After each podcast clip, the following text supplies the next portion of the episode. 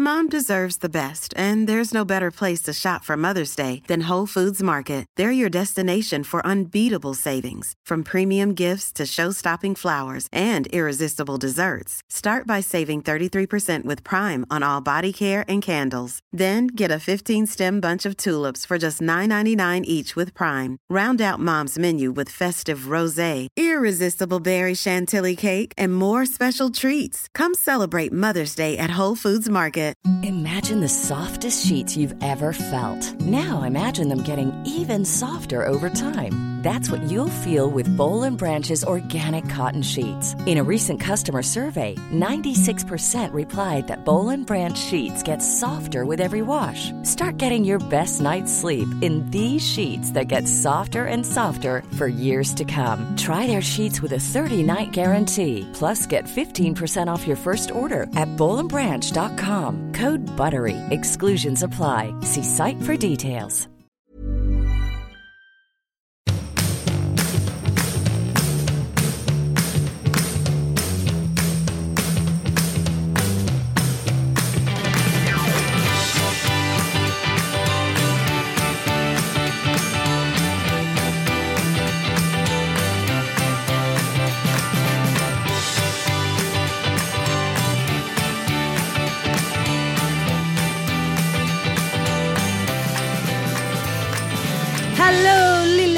Tell me how are you doing? Jag har ju sagt Le Petit Macredi i väldigt många gånger när jag försöker prata franska. Jag är Ja. sjukt dålig på franska. Men det blir ju inte det. Lille lördag i och med att det är lördag. Det blir Le Petit Lundi. Alltså för det är ju lördag. Men jag Jag, tänker här, på att vi säger fel väldigt mycket i den här podden. Ja, Men det blir ju så. Tänk om man skulle höra sig själv i en normal situation. Ordagrant som jag gör då. På det här sättet när jag sitter och lyssnar på podden innan vi ska klippa den. Eller när den håller på att klipps. Ja. Det är fruktansvärt att utsättas för. Förr i tiden tyckte man att det var hemskt att höra sin egen röst. Mm. Tänk dig att höra sin egen röst och också höra hur mycket fel man säger hela tiden. det är därför jag inte lyssnar så ofta. Har du lyssnat någon gång? Ja, jag kommer Va? lägga på en annan sak. du? Vänta, vänta. Har du lyssnat någon gång? Jag tycker att det är bättre att man gör... Ursäkta? Hörru du, gör excuse abuse. Excuse abuse. Man gör sina saker och sen går man vidare i livet. Alltså jag vet ingen som har så mycket ursäkter för att vara olika tillkortakommanden. Hallå du. lördag. Har du lyssnat en enda gång? Kan du erkänna eller? Jag har inte det, nej. Okej, nej. bra. Då vet jag. Men det gör ju du.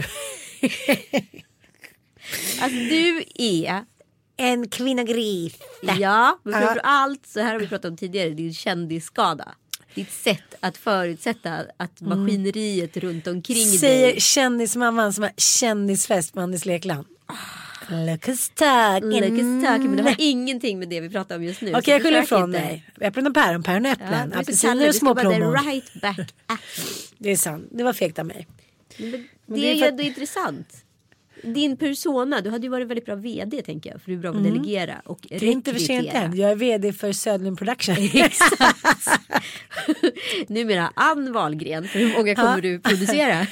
Nej men alltså jag har ju fått en ny liksom, umgängeskrets nu. ja, just det. Sex barns, sju barns, åtta barns, nio barns det, mammorna. det var du som påpekade det att det var många som sa grattis välkommen in i klubben. Ja, hur känns det? Nej, men jag tänker så här.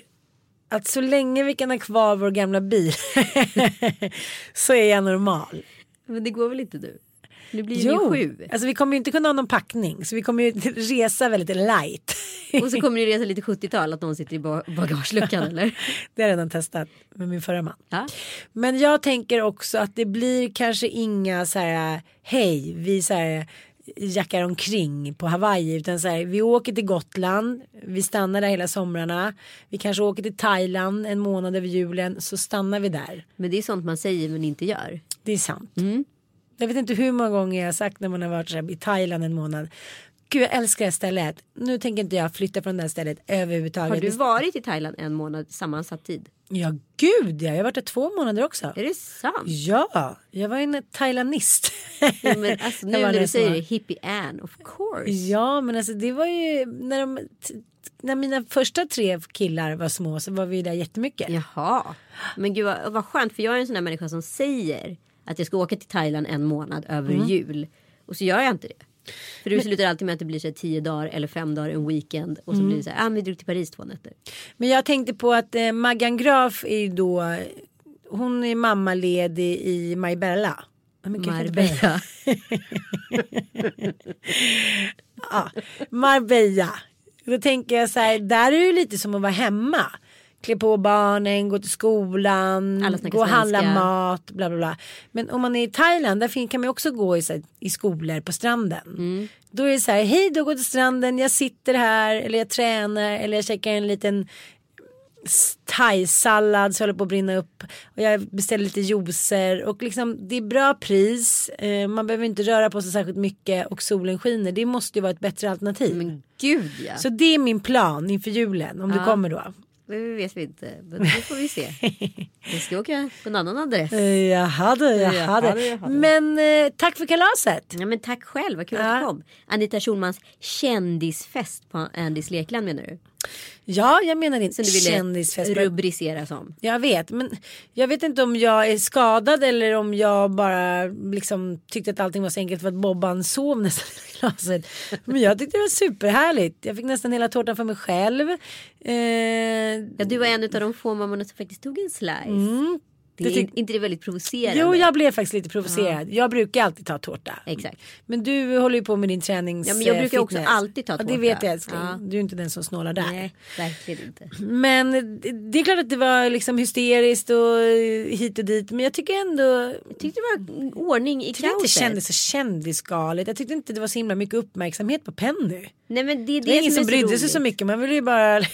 Nu ska inte jag säga att så här, så här är det. Utan jag har läst några kommentarer om det här. Men jag förstår ju också det som in, de människorna som nu är smarta nog och inte kommenterar. Jag förstår ju att det snickesnackas där ibland. Absolut, men, men i, i min, liksom, de som jag har pratat med om kalaset idag, då är just det här, Molly Sandén tycker ju folk är lite over the top. Ja men det förstår jag att folk tycker. Mm, hon kom ju dit och sjöng live. Ja, det var ganska lyxigt tycker jag. Det roligaste var också att Penny sa direkt efteråt. Hon bara, mamma nästa år kanske Samir och Viktor kan komma.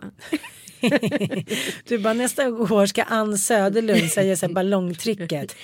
Men man får ju se det utifrån Pennys perspektiv och det kommer ju inte låta så här bra när jag sitter och säger det på det här sättet. Men för henne är ju Molly en kompis. Molly har varit hemma hos oss och hon har ju träffat Molly i andra sammanhang också.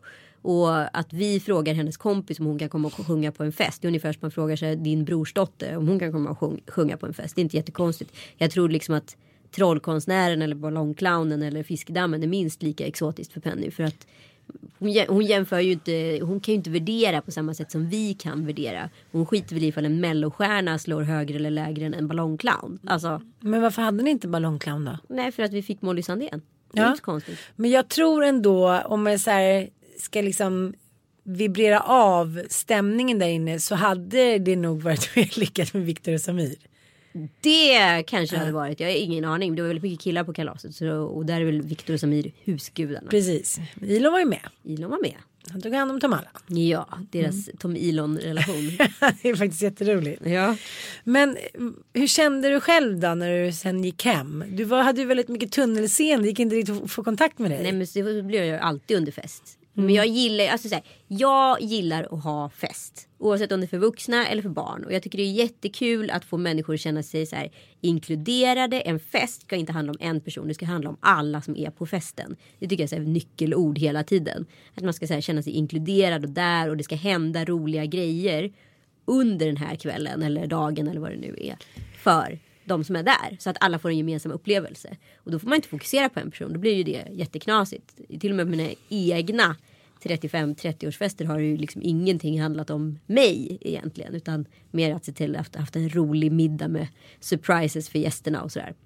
Men jag tänker också att du eh, är väldigt mycket så här i din stil, no limit thoughts. Ja, Som men jag tänker inte jag när du ska nästa för? år då planera mitt bröllop.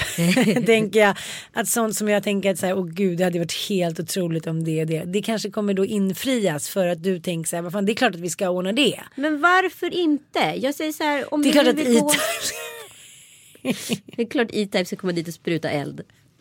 Hur som Det är klart helst. att vi ska ha så här medeltidsmiddag med vita. Tänk så här misslyckat. Du säger så här, jag fixar allt älskling. Jag Tema bara, digerdöden. du bara, jag tyckte det var jätteroligt. Så jag skickar ut alla här tema klä så här medeltida. Som du, ja men det finns ju medeltidsveckan på. Jag kom in och bara. Medeltidsbruden. Ja.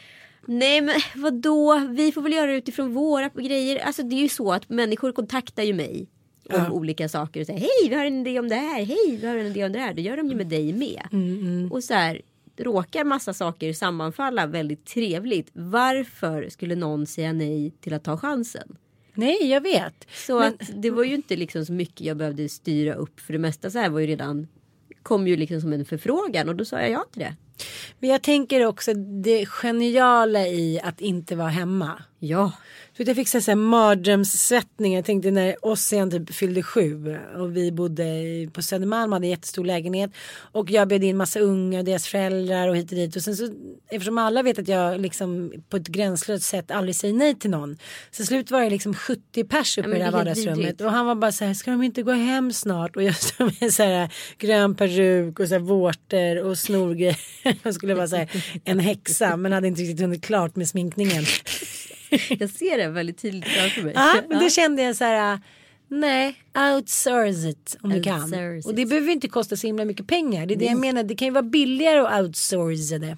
Men vi gjorde en fest för förra året. För förra året fick inte Penny någon fest för då var vi mitt i en flytt. Och hon sörjde det ganska mycket. Och så har hon pratat om sin femårsdag i nästan ett år. Och då tänkte vi att nu kör vi bort henne som satan. Nej inte alls så utan bara så här. Ja men i, år ska hon få ha någon fest. Men hon får fan inte ha det hemma. För jag höll på att gå under sist när hon hade fest.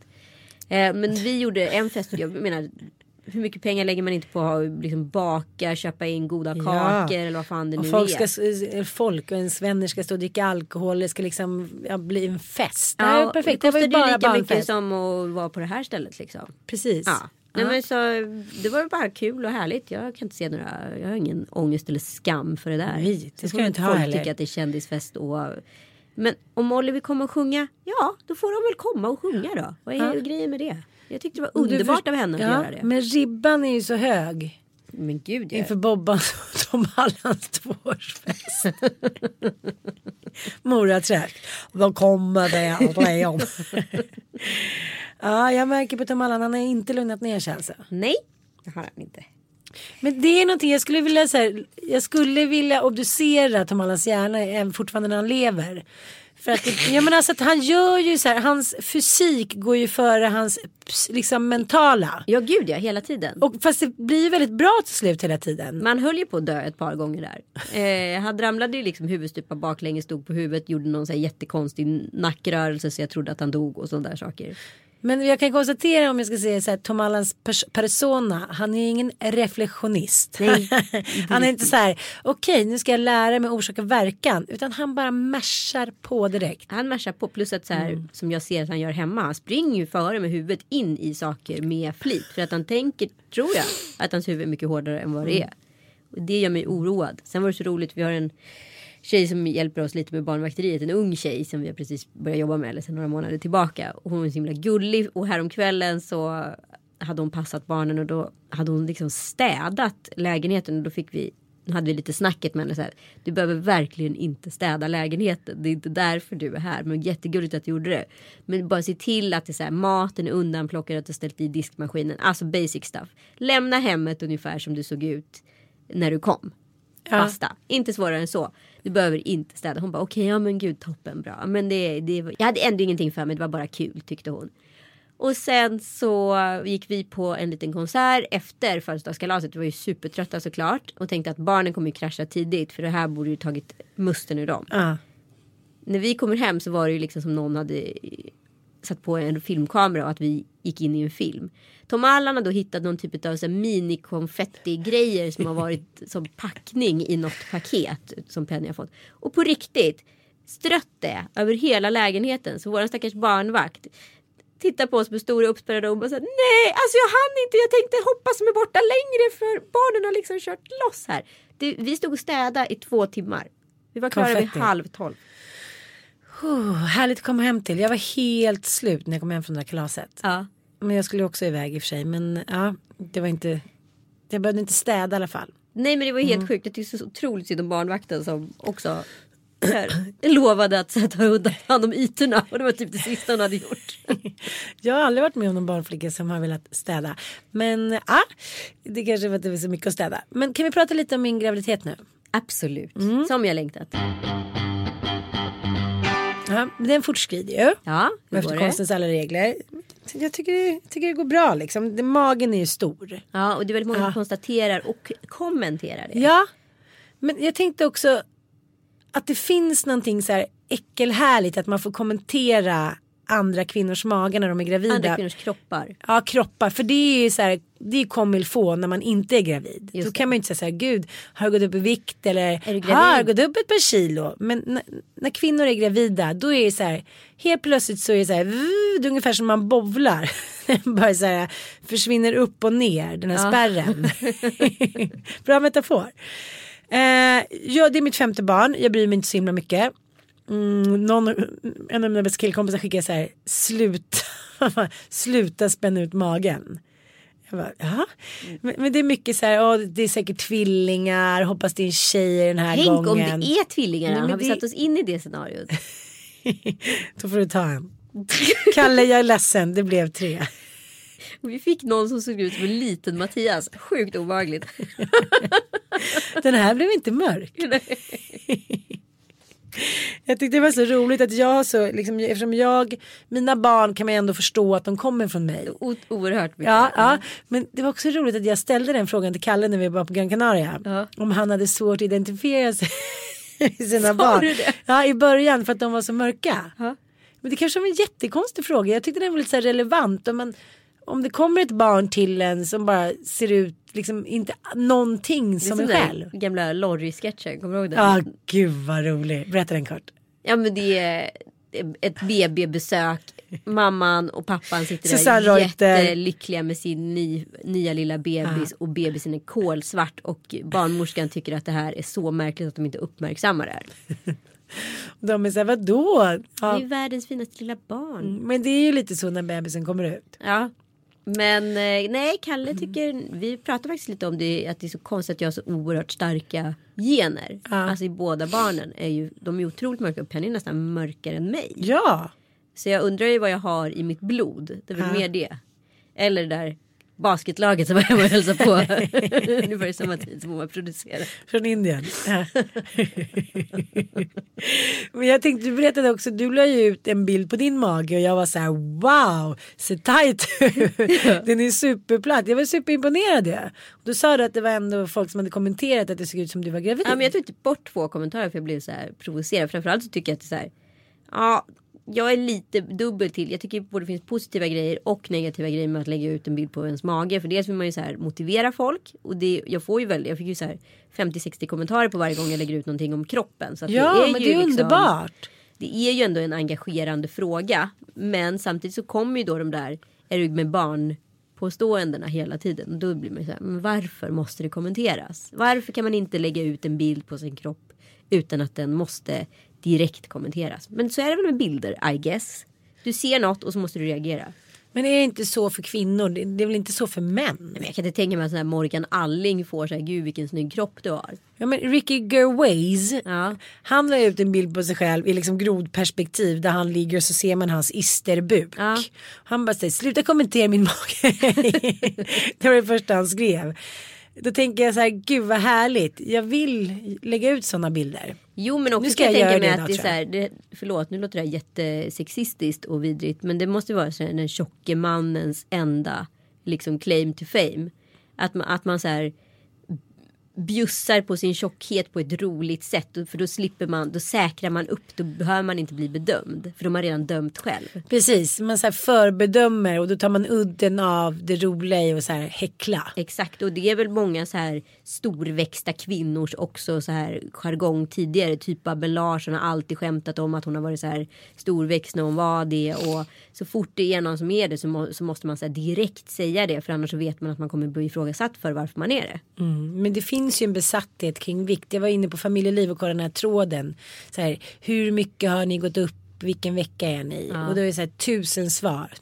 Jag gick upp 11 kilo bara, jag gick upp 30 kilo, jag har accepterat det nu. Bla bla bla. Det finns ett otroligt engagemang hur mycket eller lite man får gå upp som liksom en mediankvinna i Sverige. Ja fast jag tror inte det handlar om det. Jag tror mer handlar om så här ångesten man bär med sig sen. Jag tycker i alla fall att det är jobbigt för mig. Sen är ju alla olika. Du är ju inte alls lika brydd över det här med vikt som jag är.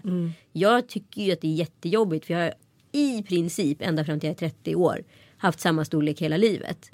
Och jag känner ju inte igen mig själv. Ifall inte jag är den storleken. Då tappar jag lite identitet. Ja, jag fattar. Och det handlar inte om att jag var pinsmal eller någonting. Utan mer bara så här. Ja men jag vill känna mig. Jag gillar, vill gilla det jag ser.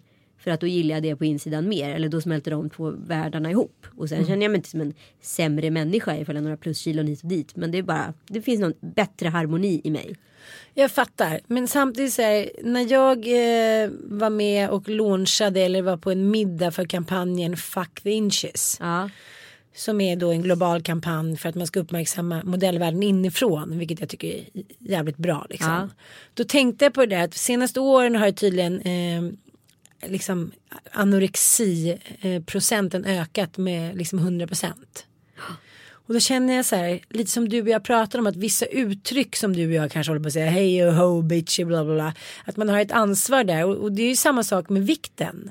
Att man, när man liksom säger att man inte är nöjd med sig själv eller att man tycker att man har gått upp lite hit och dit. Då är det ju unga tjejer, tyvärr, som tycker så här, jaha nej. Ja, både och. Jag tror att det, jag tror det sitter djupare än så. Jag tror att det finns en större... Jag, jag hade en sån superintressant diskussion häromdagen med en kompis. Vi pratade mycket om den här generationen som är 20 någonting som är antingen superslackiga. Nu är verkligen inte alla så utan några är sådana superslackiga och vissa är så här eh, bara inte klarar av någon. Nej men jag känner mig lite dålig hemma från jobbet idag eller vad det nu är. Alltså att det finns många liksom representanter. Och då frågade jag en kompis som var en av de representanterna. Jag bara, men vad, vad är det som får dig att göra det? Och då sa hon så här, för ni är så jävla duktiga. Hur ska vi kunna leva upp till några som är beskaffade på det mest perfekta sätt? Och det är intressant för att då tänker jag, då borde egentligen om man har min hjärna eller din hjärna, då borde ju det egentligen så här sporra att vilja bli bättre. Men istället för vissa personer då, då skaffar de sig så här, "Ha, ja men det är väl lika bra att ge upp och lägga sig och dö. Det vet man ju de som så här sket i att så här kämpa på skolgympa som bara så här, ja men då fuck it, då går jag till rökrutan eller, ja jag känner mig så dålig. Alltså få ha ett dåligt självförtroende. Eller, som jag pratade med min terapeut om som jag var hos förra veckan. Att det kan handla om att man har en extrem prestationsångest. Det här med anorexi. Att man vill vara så jävla bra på så många sätt. Så helt plötsligt så sätter man igång prestera och gör alla till lags. Så man glömmer bort sig själv. Men det är ju ett kontrollbehov att liksom om allting annat skenar så har man i alla fall kontroll på maten. Men för mig har ju maten och kroppen aldrig varit någon issue. Jag kan ju titta på bilder ibland och säga men gud jaha, ja ja. Alltså det har liksom nästan varit som att jag inte har haft den blicken. Nej, och jag kan ju känna igen det här med kontrollbehov. Jag har ju ett ganska stort kon- kontrollbehov och det hänger ihop med kroppen. Sen har jag nog aldrig någonsin haft en tendens till anorexi. Det tror jag snarare liksom att man måste nöta på ganska länge. Där är jag liksom bara, jag tycker det är för gött att äta helt enkelt. Men liksom definitivt kan jag känna igen den symbiosen med kontroll och liksom vikt. Men det, det är kanske där jag har failat då att så här, jag tänker att det löser sig. Ja, det gör ju du. Pratar om det som en röd tråd genom dig. Vi pratade om det på jobbet och alla, eller alla, de två jag satt med så här, att jag är väldigt ostressig av mig. Eller det är klart att jag kan stressa men jag tänker inte så här, "Gud, hur ska det här gå? Sen är det klart att det har varit perioder när man har mått dåligt och känt sig stressad men jag är ganska lite samma inställning till kroppen att jag är så här, oj nu var jag tydligen eh, olycklig eller lycklig och gick ner i vikt. Vad snygg, vad, vad snygg jag såg ut. Eller men där var jag också ganska snygg. Och, men jag tror att det har att göra med min uppväxt också. Att så här, eftersom min mamma hela tiden såg likadan ut. Så, eller aldrig gick upp eller ner i vikt. Och det aldrig pratades om Nej. mat. Då tänkte jag ju aldrig på det. Hon kommenterade ju aldrig sitt utseende. Eller liksom, det var ingen sån fokus. Och jag hade ju en pappa som var väldigt överviktig. Alltså kraftigt överviktig. Som senare liksom har jobbat hårt med det. Men hans sätt att, som tillbaka till Ricky Gervais grejen. Det handlade inte om att för honom att säga så här. Jag, jo, dels skulle han säga så här. Jag är tjock, det är roligt, ha ha ha. Nu kan ni inte skratta åt mig. Men han kunde också då ha rätten, ta sig rätten att kommentera andras kroppar. Ah. Så jag och mamma har ju blivit kroppskommenterade ganska mycket av min pappa. Och jag har verkligen funderat på om det satt spår eller inte. Det har nog satt spår i yngre år. Men inte i äldre. Och jag har ju aldrig som sagt haft anorexi eller varit ätstörd. Nej. Men jag nog tänker väldigt mycket på kroppen. Men jag tycker att du ändå har ett väldigt bra kroppssjälvförtroende. Så nu har jag bara sett dig halvnaken på Gran Canaria. men där var liksom.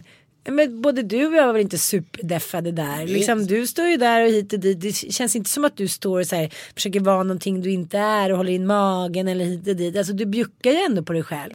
Jag har alltid haft liksom tuttar, rumpa och liksom höfter. Ja. Och det har jag, så har jag alltid sett ut. Som sagt jag säger inte att jag någonsin varit missnöjd med. Jag tycker bara det är ganska härligt. Jag tycker du har jättefin kropp. Jag tycker du har jättefin Och kropp. jag tycker att man kan säga det till varandra lite oftare så här. Gud vad du är fin och härlig och snäll och vilken fin kropp du har och du är snygg idag. Man glömmer bort det lite ibland. Nej, men samtidigt kan jag tycka att det är så jäkla härligt som jag är inne i nu. För jag bara bestämde mig att så här, okej, men nu har jag bara sunkat ner. Men jag var sjuk i två månader. Jag äter så jävla mycket godis. Jag har tappat liksom alla typer av moral och perspektiv. När det kommer till liksom någon typ av kontroll över mitt liv. Eh, och då liksom märkte jag att så här, och socker för mig skapar ju att jag behöver ännu mera socker. Så blir jag supertrött och så behöver jag ännu mera socker. Och så håller det på sådär. Och då måste man ju bara bestämma sig själv. Att så här, nu får det fan vara nog. Och då får man ju köra hårt. Och nu kör jag ju ganska hårt. Och, men det är under en limiterad period. Nu tre jag tycker det är skitbra. Vadå? Hård Det vill säga, sen är det ja träning. men get going. Jag har också väldigt svårt att säga. Nu kör jag lite hit och dit. Jag vill också så här kicka igång det.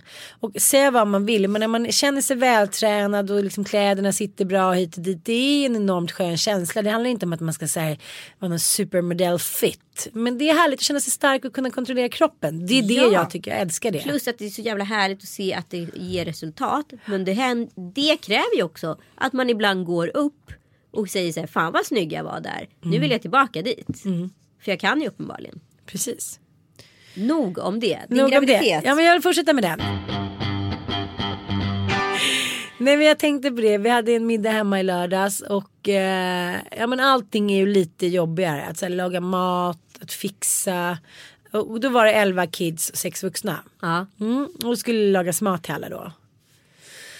Och... Varför tar eh, du på dig sådana här projekt? Nej men jag, jag ska faktiskt börja lägga ner nu. Men det är också så här, man vill liksom bjuda igen. Man, du vet, det är som så man är. Men, men hur som helst så gjorde vi det och det var jättetrevligt. Men sen så liksom vid typ tio så är det så här, men nu är det klart, nu har vi käkat, nu vill jag lägga mig och kolla på någon film eller någonting. Det är en så här, det asociala graviditeten. Det är liksom särskilt den första trimestern och sen liksom lite till. Att det är så här att folk sitter och blir lite blariga, högljudda och liksom hit och dit. Det är ju såklart trevligt. Men, men då sa min kompis Jenny, men varför säger du inte åt oss så att vi kan gå hem? Men det gör man ju inte. Nej Nej, men det går ju inte. och så blir jag så sjukt irriterad på Mattias. Ja men såklart. Alltså sjukt irriterad. Vad har han gjort nu?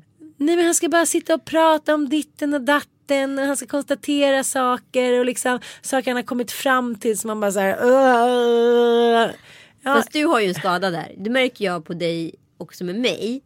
Om jag älgar på om något lite för länge då får ju du så här stresstics direkt. Du klarar inte av. Vi hade en fest för ett tag sedan som du kom på. Där det var en kvinna som pratade exceptionellt mycket.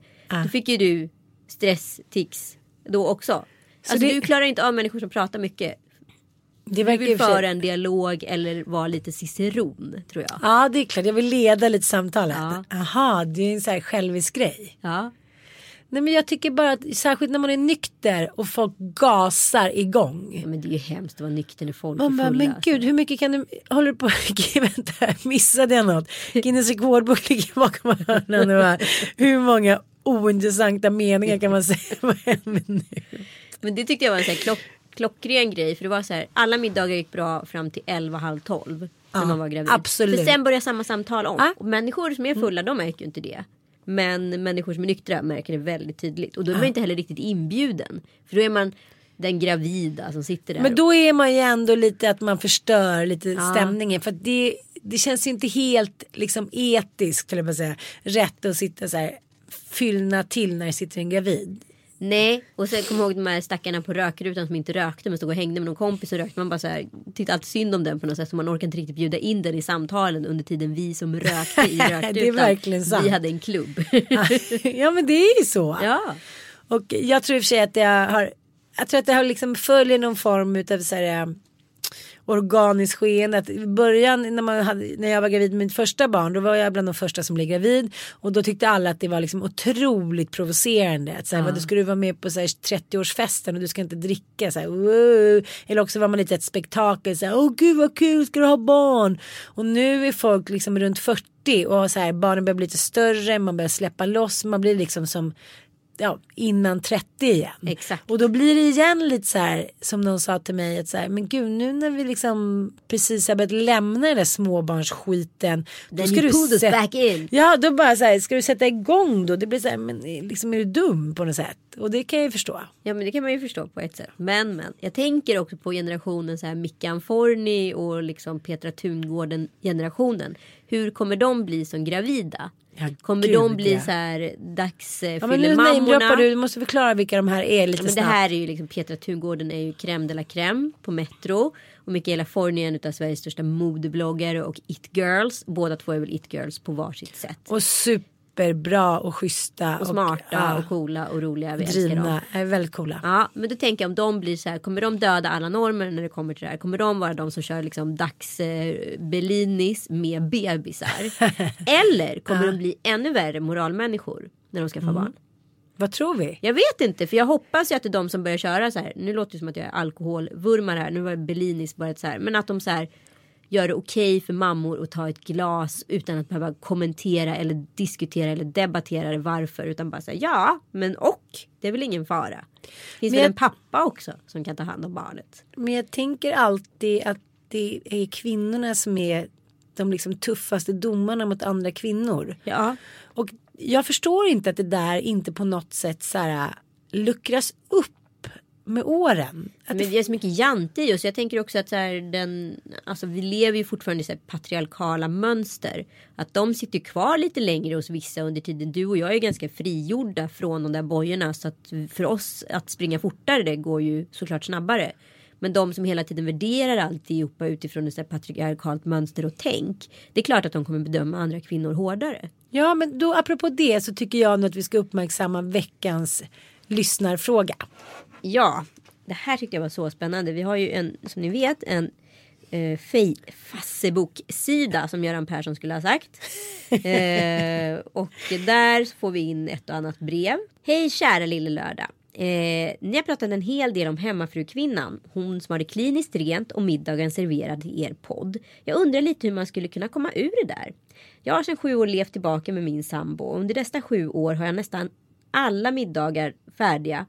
Eh, och jag springer runt och plockar och donar efter barnen och en kvart innan sambon kommer hem så hoppar jag ur mu- mjukisbyxorna och fixar i ordning mig lite snabbt. Men om man vill ta sig ur hemmafrubeteendet eh, som dessutom blir en lite beroendesak. Har ni några tips på hur man kan göra? Okej, om jag liksom fattar det här rätt, jag menar så här snabbtolkning alla Freud, då är det så här att hon har lite gossigt skönt så här, slappt hemma och sen så liksom ungefär en kvart innan hennes man ska komma hem då piffar hon upp sig alla så här Hollywood wives och spelar den perfekta hemmafrun. Så kan man tolka det. Sen tänker jag att så här, hon kanske har ett kanske pluggar eller kanske eh, på något annat sätt har en anledning att vara hemma större delen av dagen. Eller så har de barn på förskolan och kanske en liten hemma. Och då eh, har hon fått barn med ungefär samma mellanrum som dig. Så att hon har så gått och hämtat och lämnat och då stannat hemma däremellan. Eh, helt plötsligt kommit in i en rutin utav att det är hon som så här, fixar ordning det sista. För det är alltid stökigt hemma, du vet. När man har varit hemma en dag med barn. Ja, gud Ja. Då ser det ju för jävligt ut. Och så rafsar hon ihop skiten, lagar middag och så när mannen kommer hem ser det ut att det var lite härligt och gosigt och han kommer hem till någon underbar härlig famn. Och det är ju bra. Om Gud, de uppenbarligen är härligt. ihop och lyckliga så. Jo men de eh, gånger som Mattias gör det så blir man ju så himla lycklig när man kommer hem. Exakt. Det är nystädat. Det puttrar en bränd falukorv. och puttrar hembränt ner i källaren. Förlåt älskling, du är så duktig. Eh, ja, alltså alla invanda beteenden, vare sig det så att man har slutat träna eller ja, gått och blivit någons hemmafru är ju liksom lite svår att ta sig ur. Ja, men helt plötsligt är man ju mönster precis som jag var nu när jag var sjuk i två månader och käkade en sån här chokladkaka varje kväll framför tvn. Fast det som jag, eh, jag har slutat skylla på kvinnan, jag skyller bara på mannen. Jag tänker så här, om han kommer hem och varje dag är likadan, det är fint hemma, middagen står på bordet. Då kan han väl så här, till slut reagera och känna så här, du måste ju vara helt slut. Mm, Du jobbar eller pluggar eller vad du gör och eh, liksom jag gör inte liksom tillräckligt av hemarbetet. Nej, så kan man ju tycka att Ja. han borde. Men om det nu, jag tänker så här, jag utgår från att de här är goda, trevliga människor med sunda värderingar. För många mönster bryts ju först när man själv reagerar och det har ju våran lyssnare gjort i det här fallet. Eh, Så hon funderar ju själv på hur hon ska ta sig ur det här och då tänker jag att alla mönster bryts ju inte alltså, så radikalt som jag gör med min diet för det är ju bara jag själv som straffas eller belönas för det. Mm, Du fes förut på grund av din koldiet. Exakt. Luktar illa. Eh, nu behöver vi inte prata mer om det. Eh, jag erkände åtminstone min synd direkt. Ja, jag, jag är gravidförkyld liksom. Jag känner ingenting. Nej, så du kan du. fis på. Du Fis på. Bajsa på dig. Förlåt. Blir... Hur som helst så tänker jag att det kan ju börja med att man oftast tycker jag det smartaste sättet när man pratar med män det, är att få dem att tro att de har kommit på någonting. Men nu låter ju du som en dinosaurie. Det gör jag väl inte? Gör jag? Men, det ska vi lura mig? Nej, men dumma män, är ju, män har ju förmåga att hamna under attack och då reagerar ju deras synapser på att så här, gå direkt i strid. Alltså som någon jävla djur på steppen liksom. Hur som helst så tänker jag att man så här börjar, man måste ju bolla lite så man kan ju börja med så här, ska vi käka middag du och jag mitt i veckan och kanske skaffa barnvakt någon dag. Och så tycker han kanske att det är supermysigt och så tänker jag så här, men du kanske kan hjälpa mig med middagen ikväll för jag tänkte gå iväg med tjejerna och göra det här. Så att man gör det liksom som ett projekt och så till sist kanske det börjar med att han tycker till och med att det kanske är lite härligt att laga middag på en onsdag. Eller vad det nu är. Och så där små, små, små, små förflyttningar tills det liksom bara vänder. Istället för att så här du, nu har jag gjort det här i sju år, vad fan. Alltså den funkar, funkar ju aldrig, det vet vi ju. Nej men jag tänker ofta att det blir sådär att man tänker att den andra ska förstå. Du är inte inne i min hjärna. av. Ja, du är inte inne i min hjärna, vilket är ett väldigt bra uttryck. Men, men jag tillämpar faktiskt det liksom väldigt flitigt nu. Som idag känner jag så här. Nu är det så mycket jobb och jag är på smällen och mår inte helt tipptopp. Och vi ska liksom, det är landet och det är fan hans moster inspelningar. Och jag pallar inte liksom sköta hemmet också. Nej. Alltså, jag ringde och sa till Mattias, nu får du liksom, eh, du får jobba lite mindre några veckor, du får se till liksom, gör vad du vill, så här, anställ någon, eh, liksom köp färdig mat, gör vad du vill. Nu måste du bara ta över ett par veckor. Ja. Han var så här, absolut älskling och så det kändes ju bra.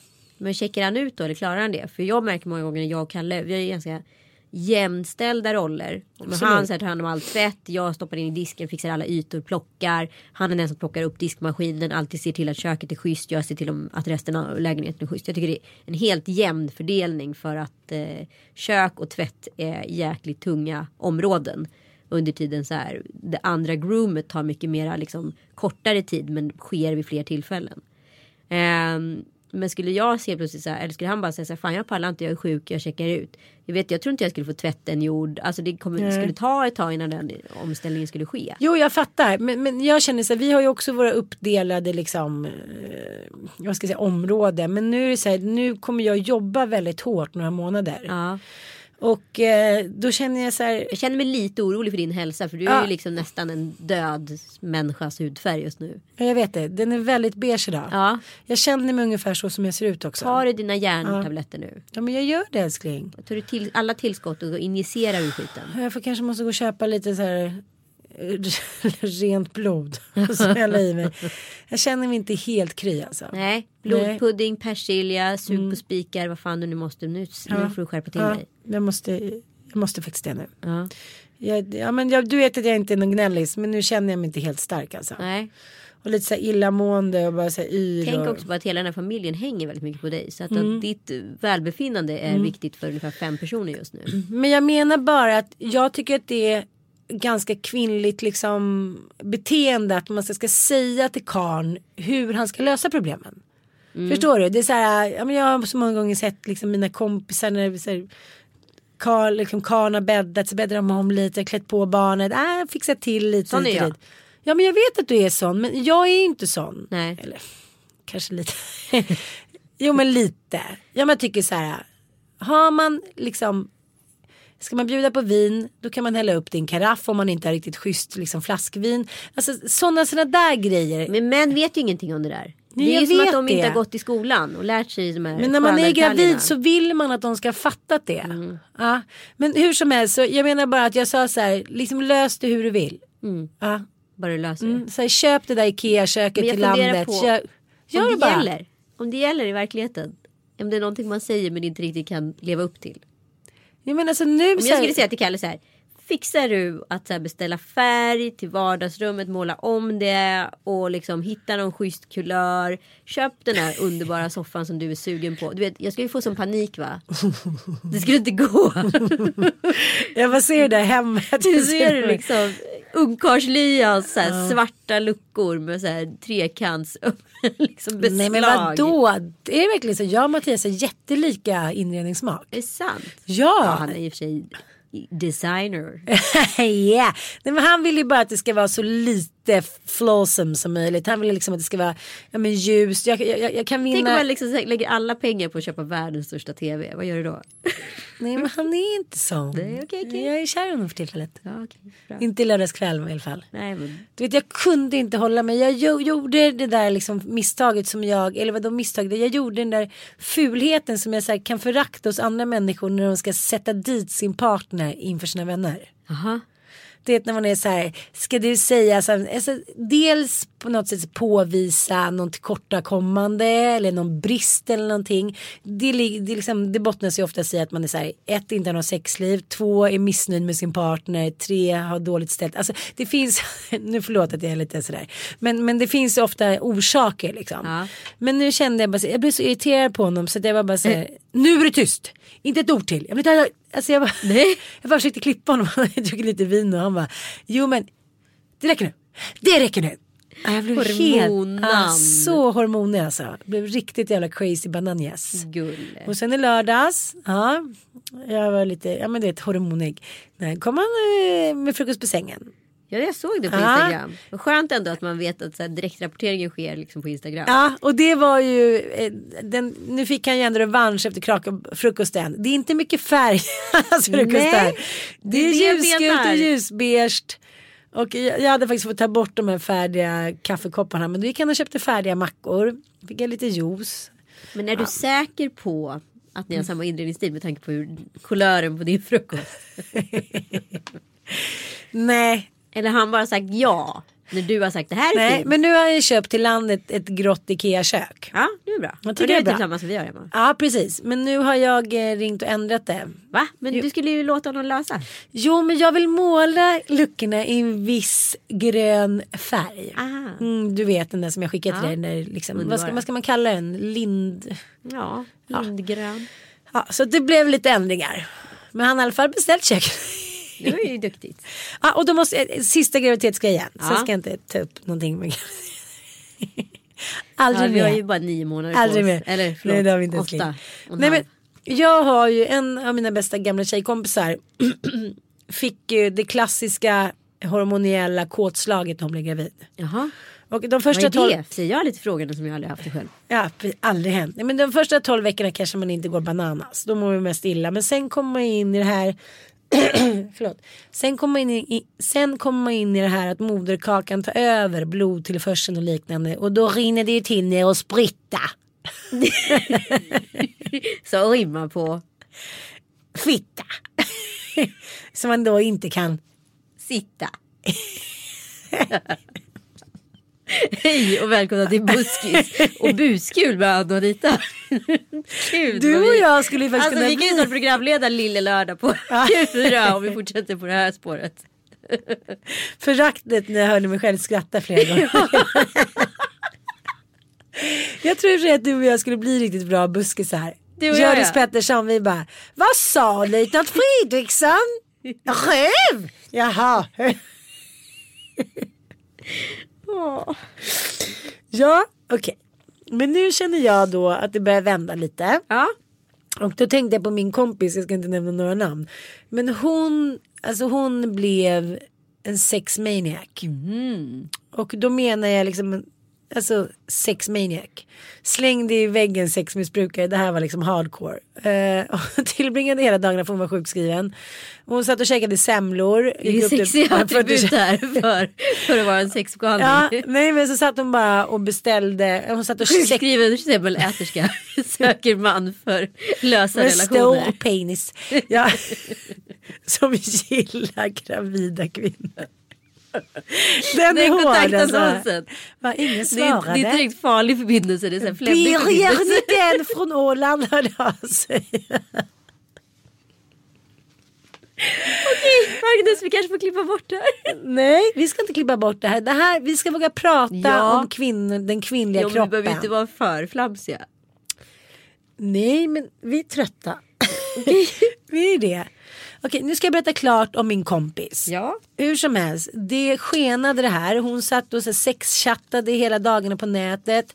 Hon höll, stämde till och med träff med en man som hon då skulle gå och ha sex med. Alltså hon blev sjuk. Hennes man fick också tillbringa hela dagen med att hämta ut olika postpaket. Då med massagestavar och attiraljer. Och han orkade ju inte till slut. Och hon sa så här, om inte du vill ligga med mig då får du ligga i vardagsrummet för jag klarar inte av det liksom. Nej, Är men det det, sant? nej men det blev ju liksom, de höll ju på att separera. Men det är ju helt sjukt Ja. ju. Och då tänker jag nu om det skulle bli så för mig.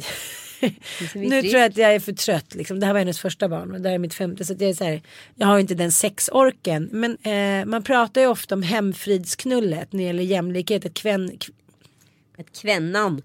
att kvinnan ställer upp för att mannen då med sina otroliga behov och liksom djuriska drifter behöver få sätta på sin fru. Då känner jag så här, har män då en skyldighet att så här, ligga då med den gravida kvinnan som blir då mer kåt och upphetsad? Ja men också som jag känner mig känner man ju lite som en så här isbjörn.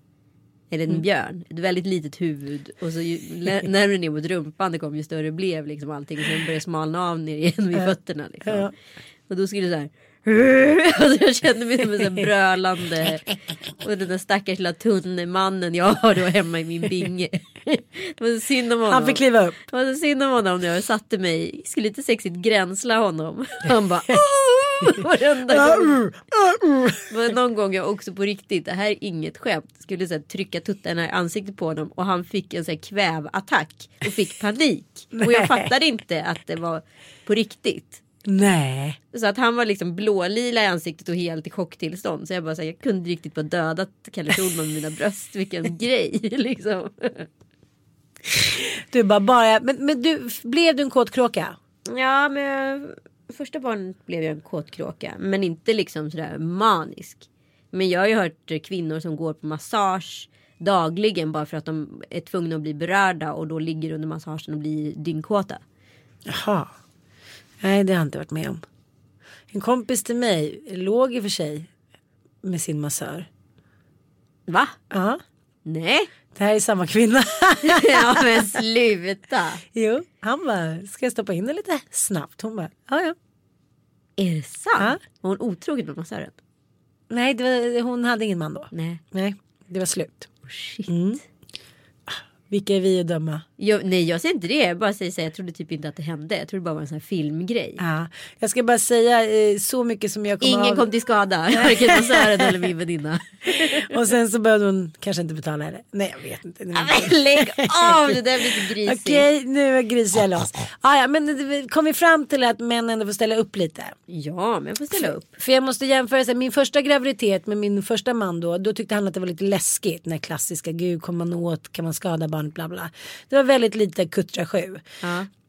Sen blev det bättre. Men så träffade jag Mattias och vi blev gravida när vi var nykära. Och han tyckte ju verkligen med den liksom luddiga, suddiga blicken man har när man är nykär. Att jag var det sexigaste som hade gått i ett par stödstrumpor.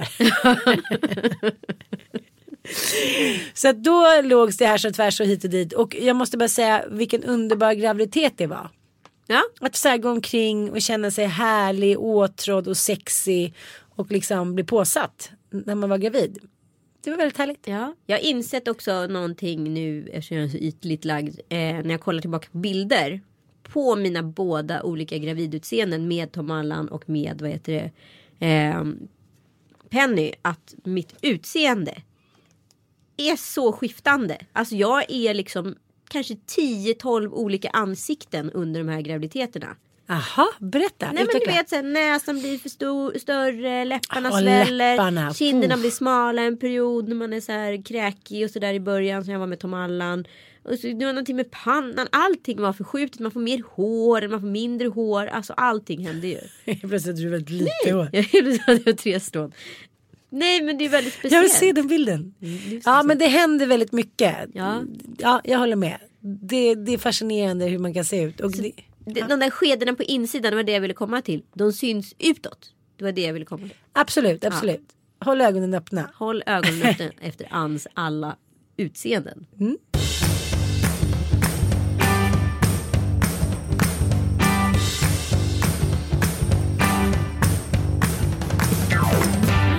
Nu, den här podden hade jag då tänkt att det skulle handla lite om brott och straff. Och du var ju träffade. Anna Kinberg Batra här i veckan. Ja.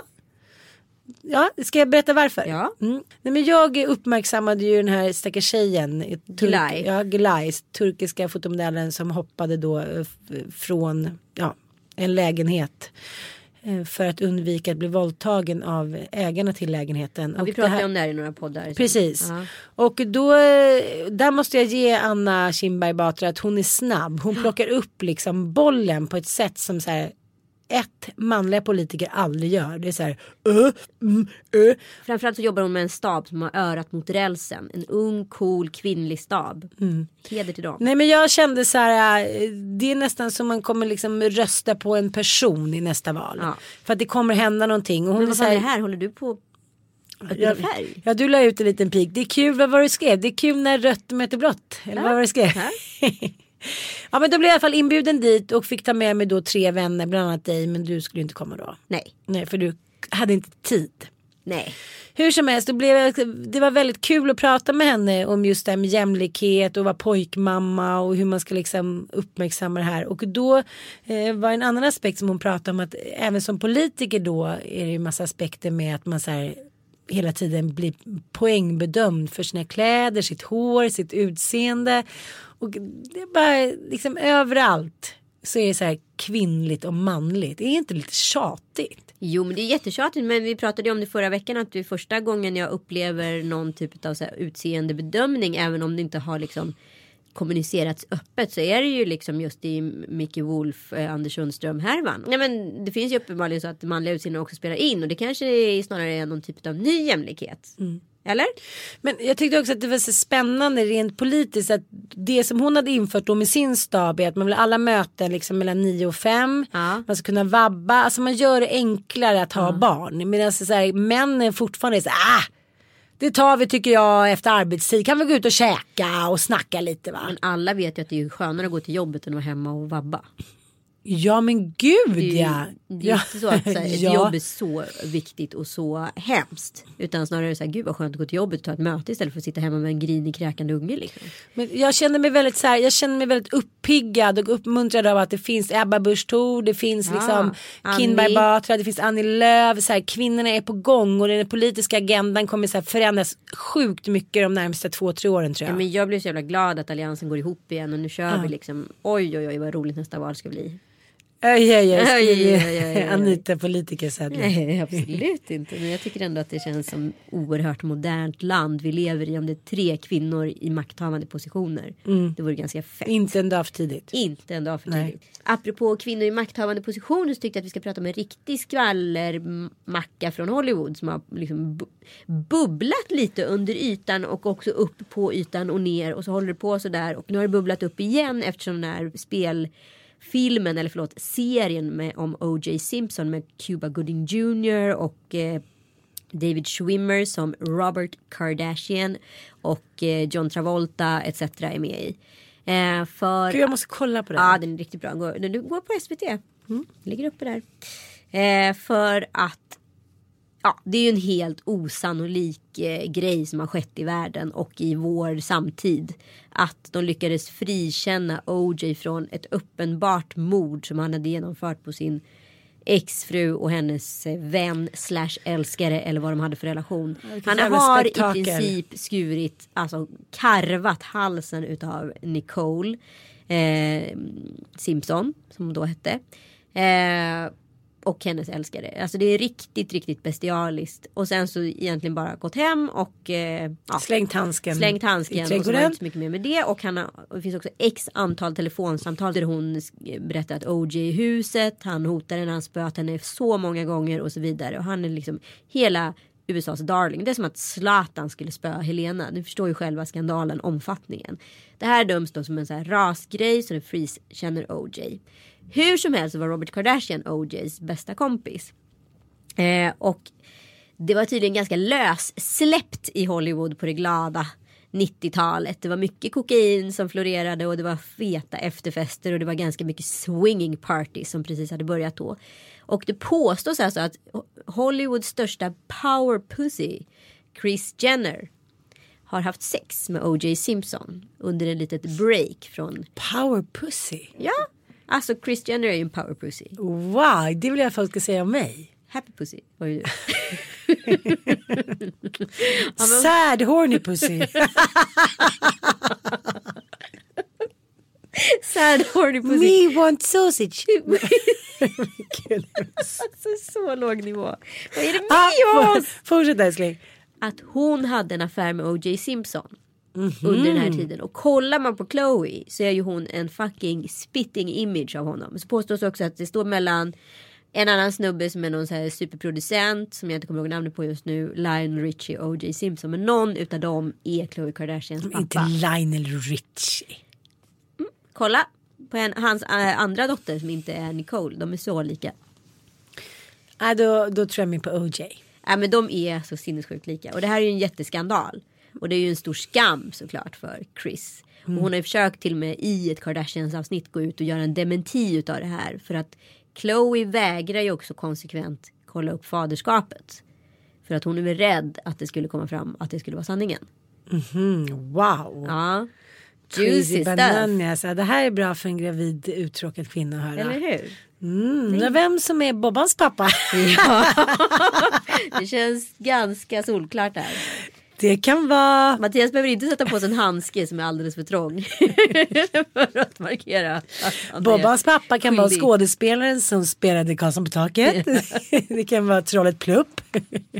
Eller en kåldocka. Ja men det här leder oss i alla fall in på det som jag vill komma till med brott och straff. ja, Dostojevskijs världsberömda roman. Exakt. eh, är inte det Tolstoj förresten? Nej det är Dostojevskij. Hur är du? Ja. Eh, men jag tänkte på mer moralbrott. Jag tänkte på den här gubben som rökte gräs för att bota sin gubben och gubben. Snubben kanske man ska säga. Som rökte gräs och odlade hemma för att bota Ervin 91 i Borås. ja, men så för Ja. att bota sin egen cancer. Han, kunde inte, han var ganska pank och kunde inte få de här medicinerna som man behövde för att ja, få smärtlindring. Och så odlade han eget braj hemma och så rökte han på. Och så blev, åkte han dit för det och fick dagsböter och eh, fick en fängelsestraff. Oklart eller inte.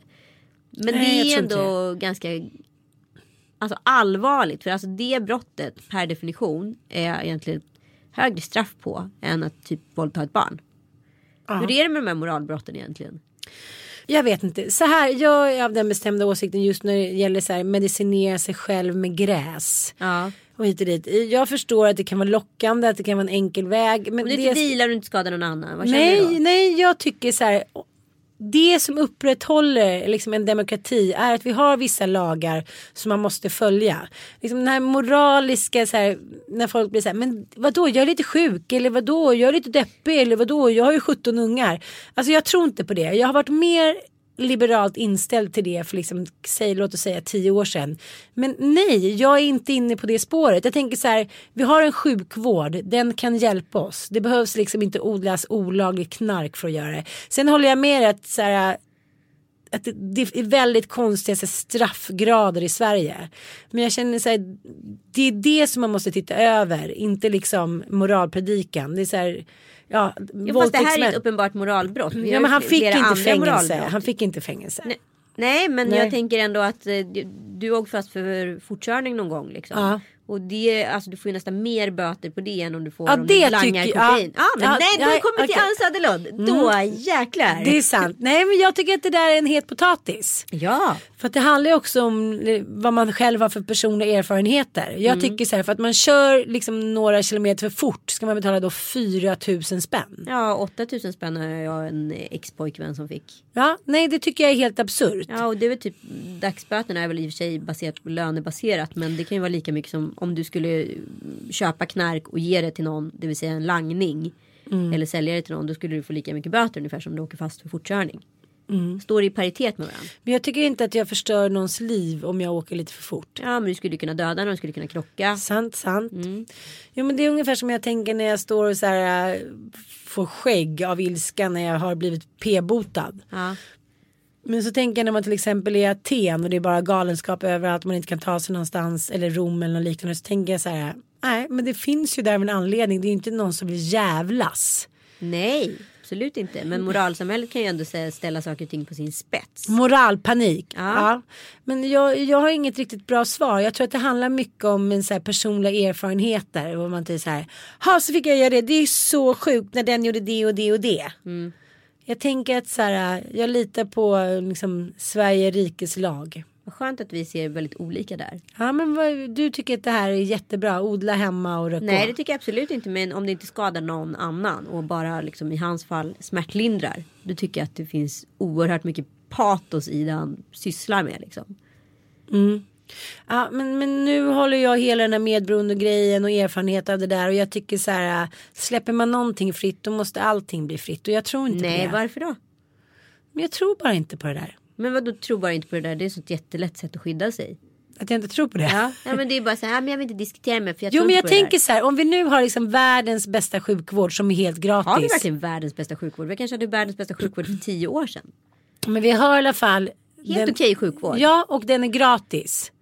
Ja, So, so. liksom till skillnad mot USA som har en bättre sjukvård men den kostar multum. Mm. Då tänker jag att det skyddsnätet finns här att han kan få hjälp på annat sätt.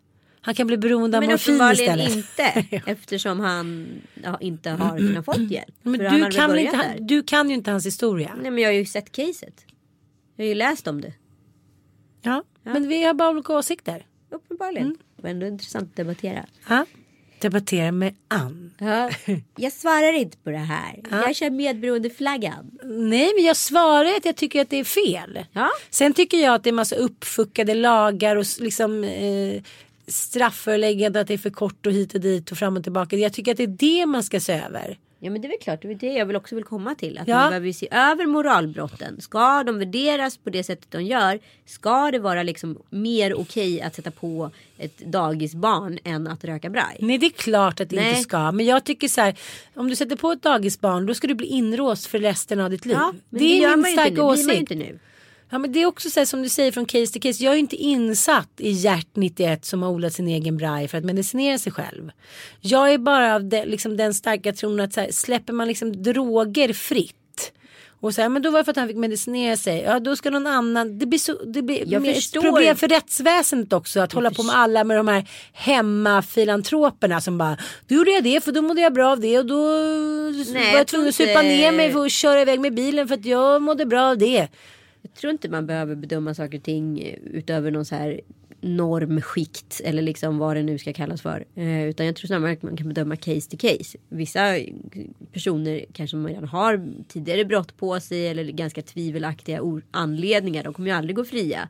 Men personen i det här fallet känns som att så här, gud det är helt sjukt att han ska bli straffad. Även om det nu är normen att han ska bli straffad för att det här. Men jag tänker mig så här, vem anger honom? Ja men det är ju det som också är helt skandalöst. Att någon idiotjävel har gjort det. Förlåt mig. typ i Sverige. Typiskt Sverige. Mm. En annan sak som är typiskt Sverige det är ju så här. Hur mycket ska en människa få vara allmänt gods? Alltså vissa personer, vissa brottslingar exempelvis som Lars-Inge Svartenbrandt. Han har ju verkligen varit Ja. i symbios med kvällstidningarna. De har liksom närt varandra på något sätt med stra- en brott och straff hela Absolut, tiden. men det har varit lite som, vi, som jag kallar för Pippi-syndromet. Att man både vill spela den gamla rollen och ta sig ur den. Men när man väl har tagit sig ur den och folk ska lämna den i fred då vill man ha tillbaka den. Det, det är lite som Stockholmssyndromet. Man är så här, man blir förälskad i sin förövare och man så här, börjar försvara den och det går ju väldigt väldigt fort. Ja. Men eh, det är sorgligt nu, han har ju liksom brunnit inne. ja, vi vet ju inte exakt vad som har hänt än. Och Nej. all rubricering är väl mordbrand från början. Och sen så får man utreda vad det är liksom. Eh, men det som är intressant med honom, jag läste historien bakom honom. Det är ju att han har ju alltså suttit inne i 40 år. Han var 70 år när han dog. Eh, det vill säga att hans första ungdomsbrott begick vid 15 års ålder. Så han har i princip varit i frihet i 15 år och hela tiden försökt reparera det. Men hela tiden återfallsförbrytare. Och det som är ganska vidrigt som jag fick reda på här i veckan. Det var ju faktiskt att Jackie fick ju alltså inte reda på det först. Utan kvällstidningarna han rapportera om det först. Nej. Så jävla grisigt. Men hur är det ens möjligt? Nej, jag vet inte. Det är ganska skandalöst som, hur som helst. Så brott och straff återigen. Men jag tänker på en människa då som Lars-Inge Svartenbrandt. Eh, att jag undrar ju såklart om han har haft en diagnos eller två. det vill jag inte spekulera för mycket i men det kanske någon liten fågel viskar till mig så kanske det är. Och jag funderar på hur mycket diagnoserna kostat samhället. Alltså hans liv har ju hittills varit väldigt mycket dyrare än vad mitt och ditt liv Ja. har varit sammantaget. Det har också varit väldigt mycket mer tragiskt. Väldigt mycket mer tragiskt. Men undrar hur mycket diagnoserna har kostat samhället och undrar vad som kommer kom, hända med den här diagnostiserade generationen. Kommer de begå lika mycket brott som vi har gjort eller eh, liksom är summan av kardemumman densamma? Förstår du vad jag menar? Nej, jag tror faktiskt att utveckling kommer eh, att det kommer ske en förändring. Jag tänker också på det nu när vi har spelat in Djävulsdansen 2. Att de människor vi har pratat om om psykisk ohälsa, de som har fått hjälp tidigt Ja. har ju liksom ja, men kunnat ja, men må bättre och bli friskare och hitta vägar ut för att må bra. Men jag har också träffat flera människor som har haft så här, levt med anhöriga som har varit, haft psykisk ohälsa i så här 20-30 år och de har inte liksom insett att det har varit en diagnos. De har bara blivit så här, ja han har en psykos, han får psykosmedicin och sen har det visat sig att det har varit bipolaritet till exempel. Ja. Och det är ju otroligt tragiskt. Jag tänker det är samma sak där. Att vi redan tidigt måste få kunskap kring det här. Så att vi faktiskt kan hjälpa till och sätta diagnoser. Ja. För att annars blir det ju så här. Har du en diagnos eller bipolär eller hypoman. Eller vad det nu ADHD. Ja då har du inte kontroll över ditt beteende. Det är bara så det är. Det är ju en sjukdom liksom. Ja men och jag vet exempelvis en tjej som har haft ADHD och varit odiagnostiserad och de flesta som har ADHD är ju väldigt smarta människor. Men de kan inte liksom sätta samman sin kompetens. Och så börjar man medicinera så helt plötsligt bara, "Ha, nu håller hon på att plugga till läkare. Och är så här, helt plötsligt kunde hon liksom kanalisera ihop all sin kompetens till en kanal istället för att det bara skjuts eh, vilda västern skott i taket liksom åt höger och vänster.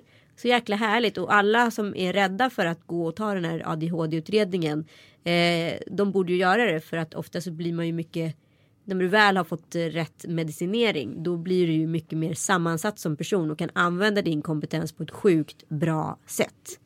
Jag blev så himla glad när eh, Britta Zackari gick ut med att hon hade ADHD. fantastiskt. Jag beundrar henne väldigt mycket. Jag tycker hon är en fantastisk förebild och människa och liksom skön och snygg och härlig. På, jag tycker hon är så här, en modern kvinna.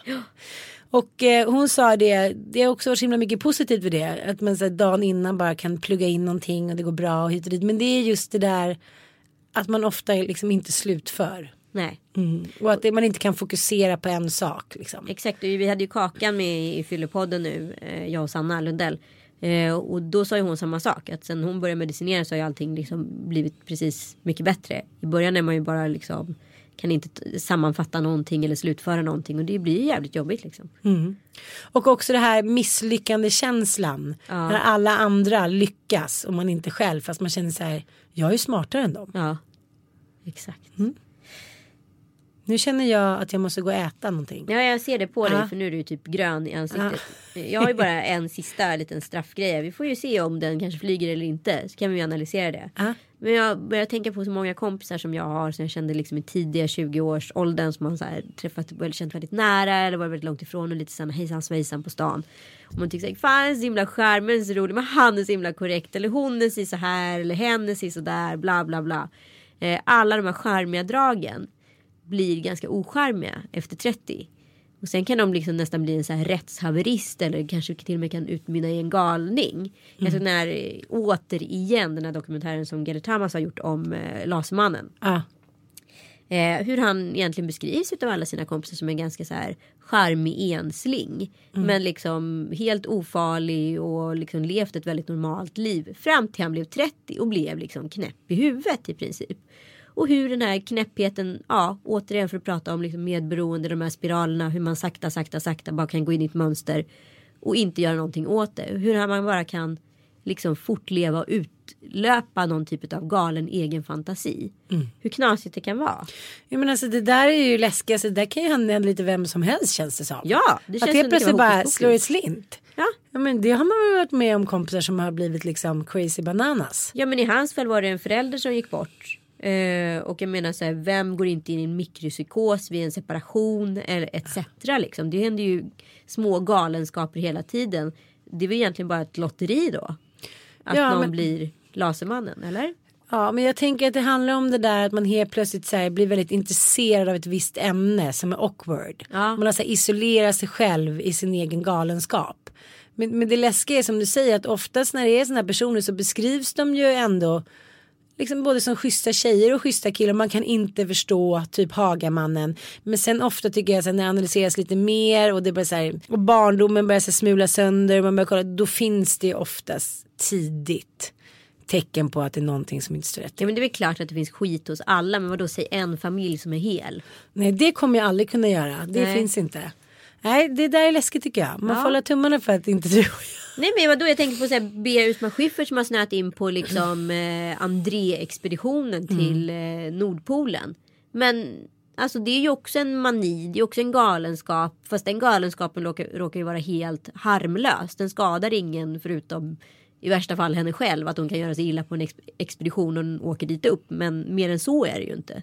Men eh, det handlar väl också om det att man tycker att det är en vacker saga som man förstår så här. Hon, hon bara blir besatt av att hon ska lösa gåtan. Ja men han blir besatt av att han ska ta hand om invandring i ja, Sverige. Ja och Breivik blir besatt av att lösa gåtan också. Ja, Eller men, problemet. Exakt, ja. besatthet. Mm. Ja, vi kan ju aldrig sluta prata om detta ämne. Nej, men jag, jag, har själv varit där på gränsen flera gånger när man blir besatt av olika saker. Allt från så här ja, men ett jobb eller ett projekt eller en människa. Så här, jag vet inte vad det handlar om att någon trillar dit och någon inte. Nej, jag tror bara att det är slumpen.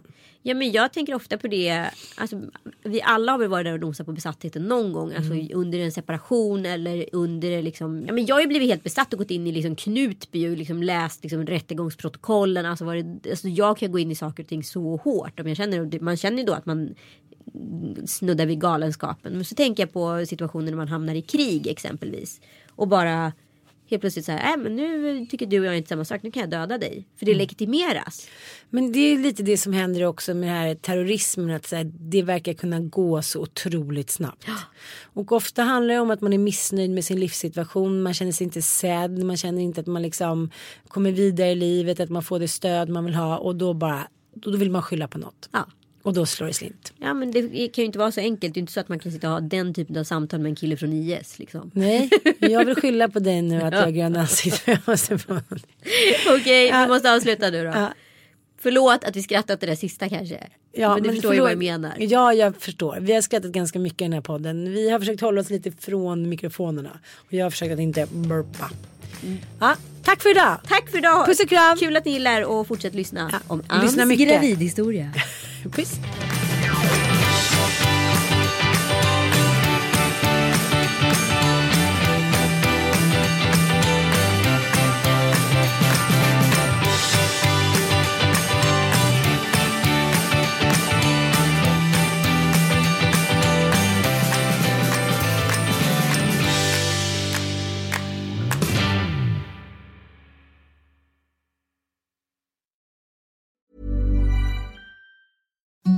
Imagine the softest sheets you've ever felt. Now imagine them getting even softer over time. That's what you'll feel with Bowl and Branch's organic cotton sheets. In a recent customer survey, 96% replied that Bowl and Branch sheets get softer with every wash. Start getting your best night's sleep in these sheets that get softer and softer for years to come. Try their sheets with a 30-night guarantee. Plus, get 15% off your first order at bowlandbranch.com. Code BUTTERY. Exclusions apply. See site for details.